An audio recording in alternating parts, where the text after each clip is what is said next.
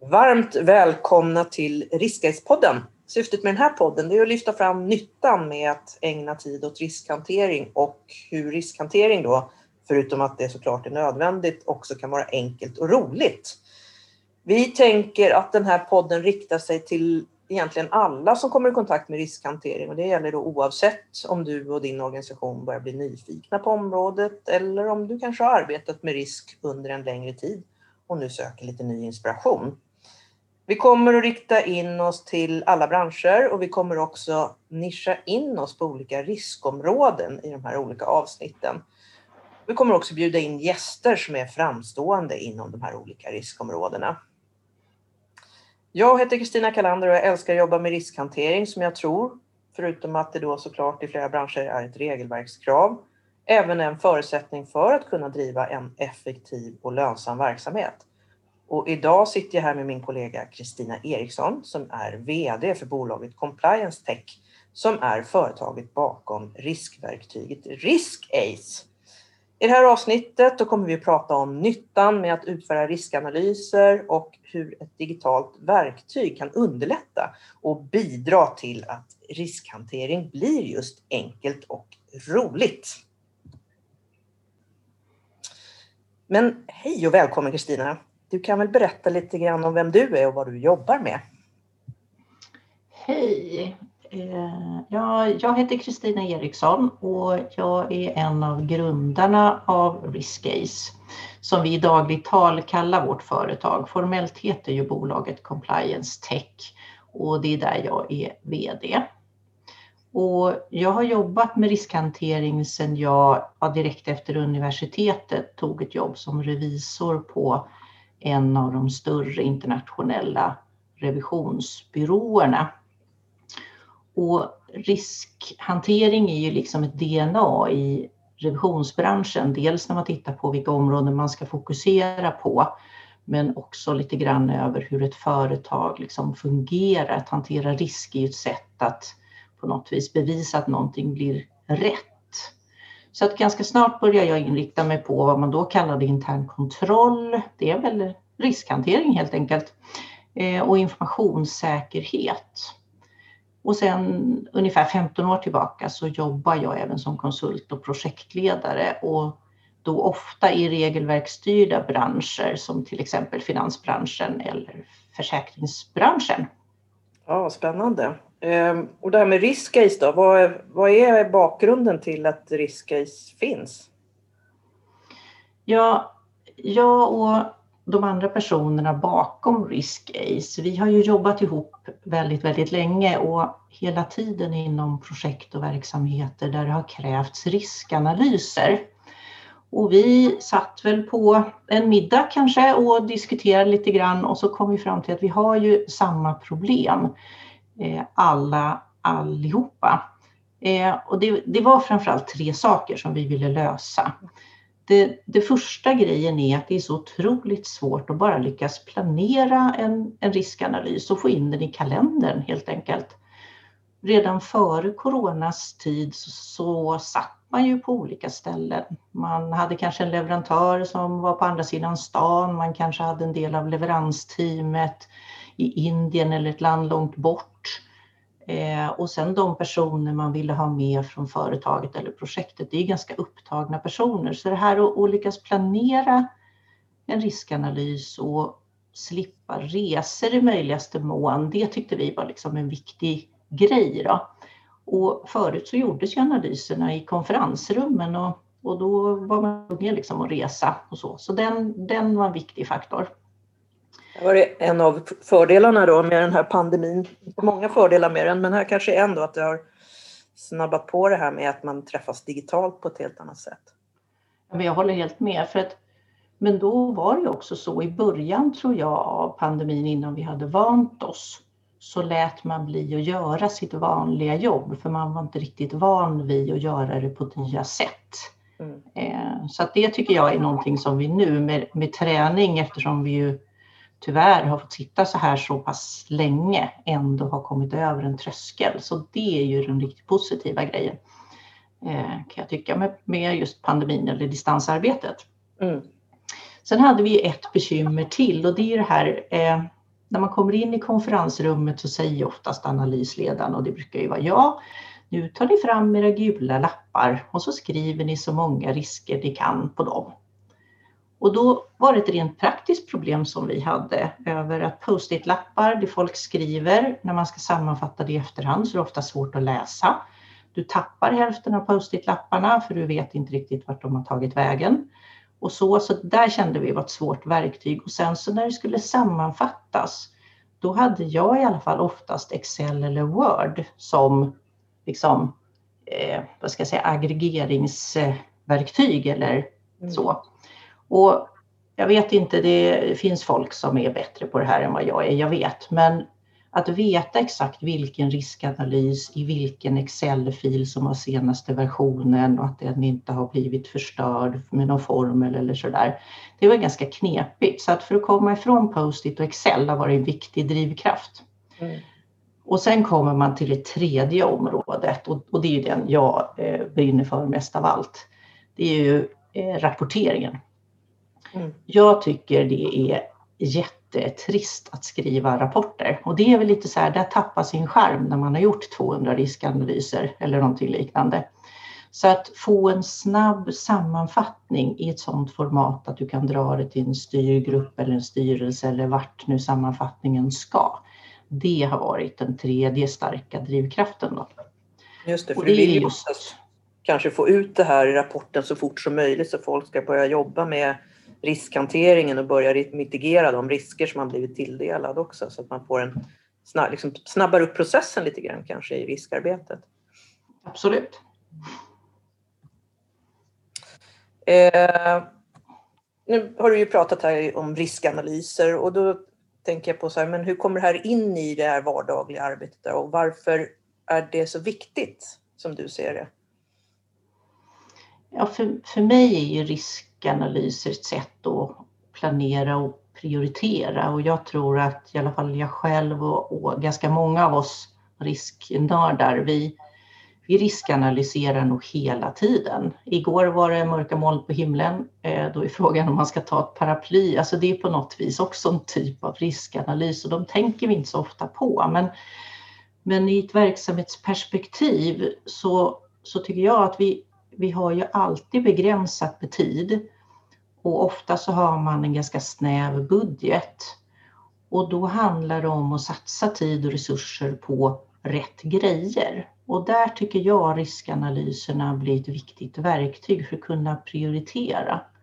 Och vi hela tiden lägger liksom tid och resurser på de högsta riskerna, då vet vi ju att vi är ganska rätt ute.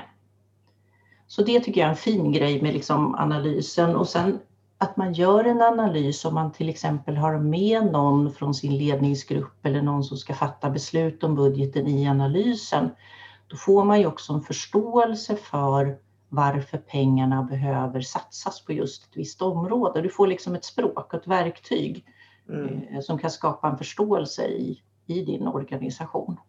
Just. Och då får man det ganska direkt också när man sitter och jobbar, när alla sitter samlade då och kan jobba i det här, ett sånt här verktyg. Ja, lyckas du framförallt sammanfatta analysen även om du fortfarande hänger kvar i post-it-lappar och liksom mm. i ditt konferensrum. Lyckas man sammanfatta analysen där på ett bra sätt så du får den här enade bilden, då tycker jag är det som man verkligen har, har nått, då har man nått sitt mål. Mm. Ja, precis.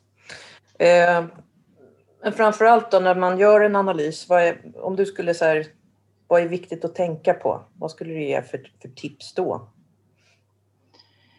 Eh, Ja, för mig, jag är ju ganska fyrkantig i huvudet så, men en, en analys sker i min värld i, i, tre steg. Och jag tycker att det är viktigt att man separerar de tre stegen och tar liksom ett steg i taget. Och då är det första steget det att man ska identifiera sina risker. Det är det man gjorde på post-it-lapparna eh, tidigare i konferensrummet. Du försöker komma på så många risker du bara kan inom det här området som du analyserar. Eh, och där tycker jag att det är viktigt att alla kommer till tals och att alla förslag på risker är bra förslag så att du skapar en kreativitet. För det är då man får upp alltihopa på bordet. Jag kommer ihåg redan före eh, fågelinfluensan var aktuell så hade jag en deltagare som hela tiden pratade pandemi, risker för pandemi och då vart ju den här personen utskrattad. Mm. Eh, men vi sitter ju där idag och tänk om vi hade varit fler företag som hade tänkt på den här saken, då hade det inte blivit så chockartat. Nej. Steg två då, det är sen att man ska bedöma risken. Och då tar man ju en risk i taget, en mental post-it-lapp i taget och så bedömer man konsekvensen eller om man vill kalla det skadan av den och sen sannolikheten. Och här tycker jag att det är bra att man tänker worst case scenario. Och om man tänker att man har sannolikheten på den ena axeln och konsekvensen på den andra axeln så får man liksom ett matristänk. Och då kan det också underlätta om man har satt färger på rutorna i matrisen och det är så som ofta riskanalysmatriser liksom ser ut. Men har man inte den här i sin organisation då kan man skapa den själv. Och då kan man ha rött högst upp till höger och grönt längst ner till vänster. Då får du liksom färger att prata om också och då underlättar det ditt språk. Och anledningen till att man bedömer risken som ett separat eh, liksom steg, det är ju för att annars tror jag att vi själva sorterar bort riskerna om man tänker så här, nej men min risk var nog inte så viktig och så säger man inte den. Och då kanske inte alla risker kommer fram. Sen steg tre, det är ju att hantera risken. Eh, att hantera risken, det är ju liksom för att skapa åtgärder för att motverka att risken faller in. Eller jag brukar säga att man flyttar risken för att jag tänker så här i matrisen, jag vill flytta de röda riskerna så att de kanske blir gula så att de inte är lika dominanta och enklare att hantera om de skulle inträffa. Och eh, det är ju där som som jag också kan tycka att det är lika viktigt att dokumentera de gröna riskerna. Alltså de som, inte, som är en låg risk, för då vet du att det inte är här du ska satsa tid och pengar. Nej men precis, och det är väl en fördel också att få upp alltså alla tänkbara risker så att man får in det då i den här matrisen och kan se en helhetsbild egentligen. Ja, Oavsett vilken nivå de här riskerna mm. är på. Jag håller absolut med. Och sen på slutet av analysen, så det som vi var på lite innan, att sammanfatta resultatet så att mm. hela gruppen kan enas om att det här är de tre viktigaste riskerna och det är här vi ska satsa krutet. Och det här är de riskerna där vi inte behöver fokusera. Det tycker jag är jätteviktigt innan man liksom stänger analysen. Då. Mm. Och det är här då den här digitala verktyget Riskcase kan underlätta i det här arbetet eller hur, hur fungerar det då? Ja precis. Eh, I det här fallet så har ju vi som en risklista eh, som är istället för post-it-lapparna så kan vem som helst oavsett var man sitter någonstans i samma eh, analys och interaktivt skriva ner alla sina risker. Så man kan göra på samma sätt. Man säger ta nu fem, fem minuter och så skriver du ner så många risker du kan. Då kommer de upp i verktyget som en lång, lång lista. Och sen lägger man tiden i ett eh, digitalt möte till exempel att diskutera eh, hur bedömningen ska se ut. Eh, det är till och med så att man ju med fördel kan skriva ner sina risker innan själva analysen så behöver du inte lägga liksom kalendertid på där alla är samlade och gör det här samlat utan man kan göra det när man själv har tid och så lägger du tiden på att bedöma istället. Då. Så då får du till en rätt bra effektivitet där då? Ja, vi hoppas ju det. Mm. Och nu har vi pratat en del om, om risk och så här, men vad, och risk finns det ju en, en, en, mängd olika typer av risker eller olika riskområden. Så om, om vi skulle titta på vad kan vi använda, använda riskcase till? Liksom, vilka risker är det du tänker på framför allt? Det vi har försökt göra här, det är ju egentligen göra ett verktyg som jobbar med själva analysen och samarbetet.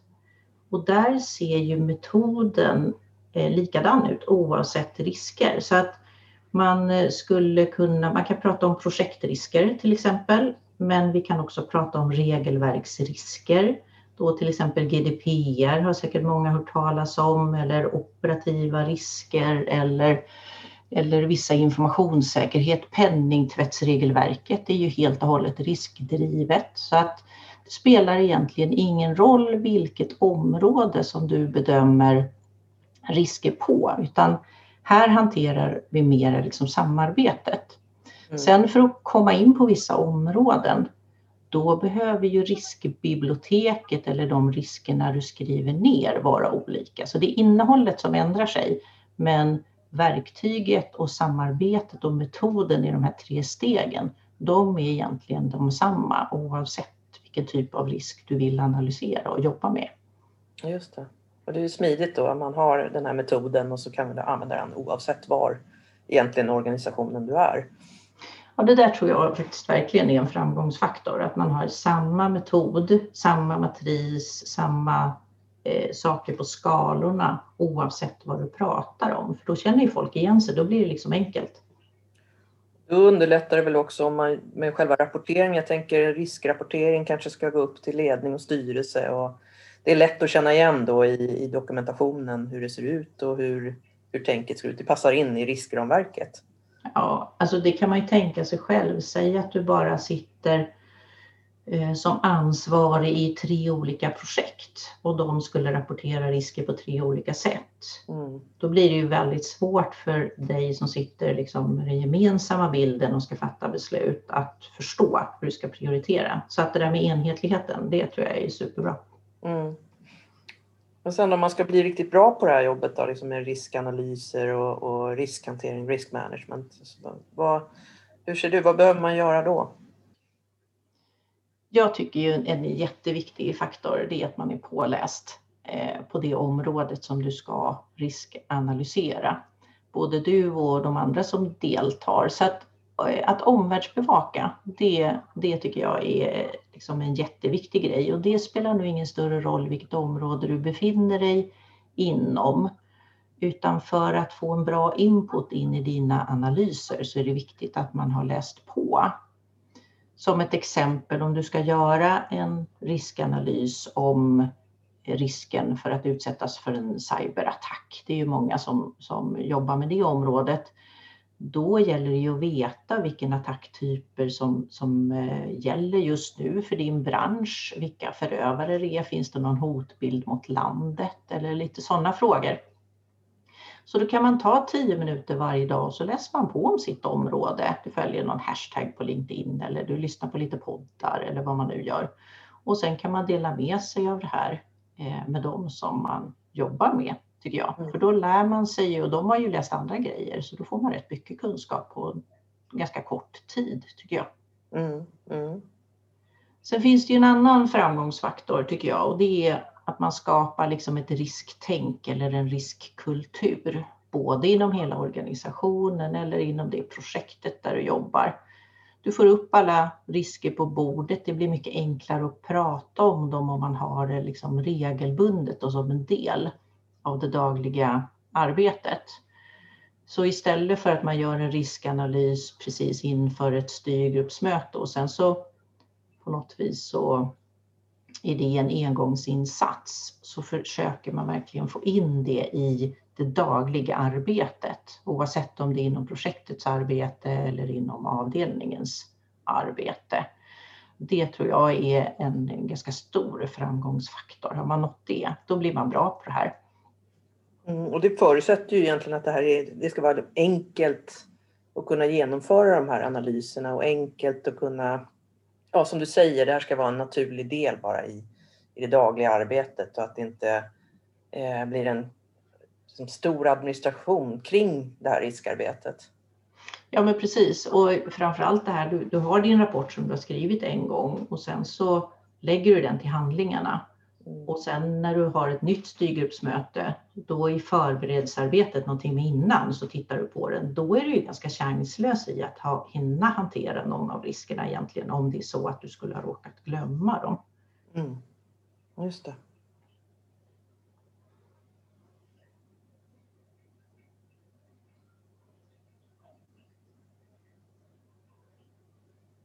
Ja, sen har vi ju det sista området också. Att, att liksom skapa den här öppenheten kring risk, våga prata om risker. Det har väl också lite med riskkulturen att göra, men jag, jag tänker, jag hörde något program någon gång där de sa att det kan vara en fördel att man sätter ett staket kring en uteplats. Mm. Och det är för att annars vågar man inte utnyttja hela uteplatsen. Eh, du vågar gå närmare kanten om det är så att du vet att det finns ett staket där. Och lite så tror jag att det funkar i organisationer också. Du får liksom ett helt, eh, du kan utnyttja hela spelplanen om du har riskerna på bordet och kan fatta medvetna beslut om var du vill ta en risk. För det är också helt okej okay, så länge det är ett medvetet beslut som är förankrat och som alla är med på. Just det. Just det. Och att det tas också på rätt nivå så att så den som ska ta beslutet också får den här dokumentationen eh, och kan ta ett beslut på välgrundade förutsättningar. Mm. Nej, absolut. Hur många projektledare har egentligen inte fattat beslutet på egen hand när det kanske borde ha eskalerats till styrgruppen? Mm, ja, just. Eh, slutligen då, om du skulle skicka med några sådana bra tips till lyssnarna, vad skulle du skicka med då? Jag tänker så här, alltså börja enkelt. Det tycker jag är den allra viktigaste grejen. Det är ju bättre att analysera till tre risker än att inte ha analyserat några alls. Och börja gärna med någon typ av enkel standardmatris innan man komplicerar till liksom metoden. Så. För att då får du ändå någonting som kanske lättare hamnar i ryggmärgen och blir en del av det dagliga arbetet. Det är nog mitt första tips. Mm, mm. Får jag säga tre? Eller? Absolut. Eh, sen så eh, tycker jag att det är viktigt det här med att ha med många olika kompetenser och infallsvinklar i analysjobbet. Jag har många gånger bjudit in deltagare till analyser och så säger de så här, men jag kan egentligen inte så himla mycket om informationssäkerhet. Och det är kanske inte därför personen är med, utan de kanske jobbar i kundtjänst och hör hur kunderna resonerar och förstår från kundens infallsvinkel istället hur de här riskerna slås. Och det är ju jätte, jättevärdefullt. Mm. Så många olika kompetenser är mitt andra tips.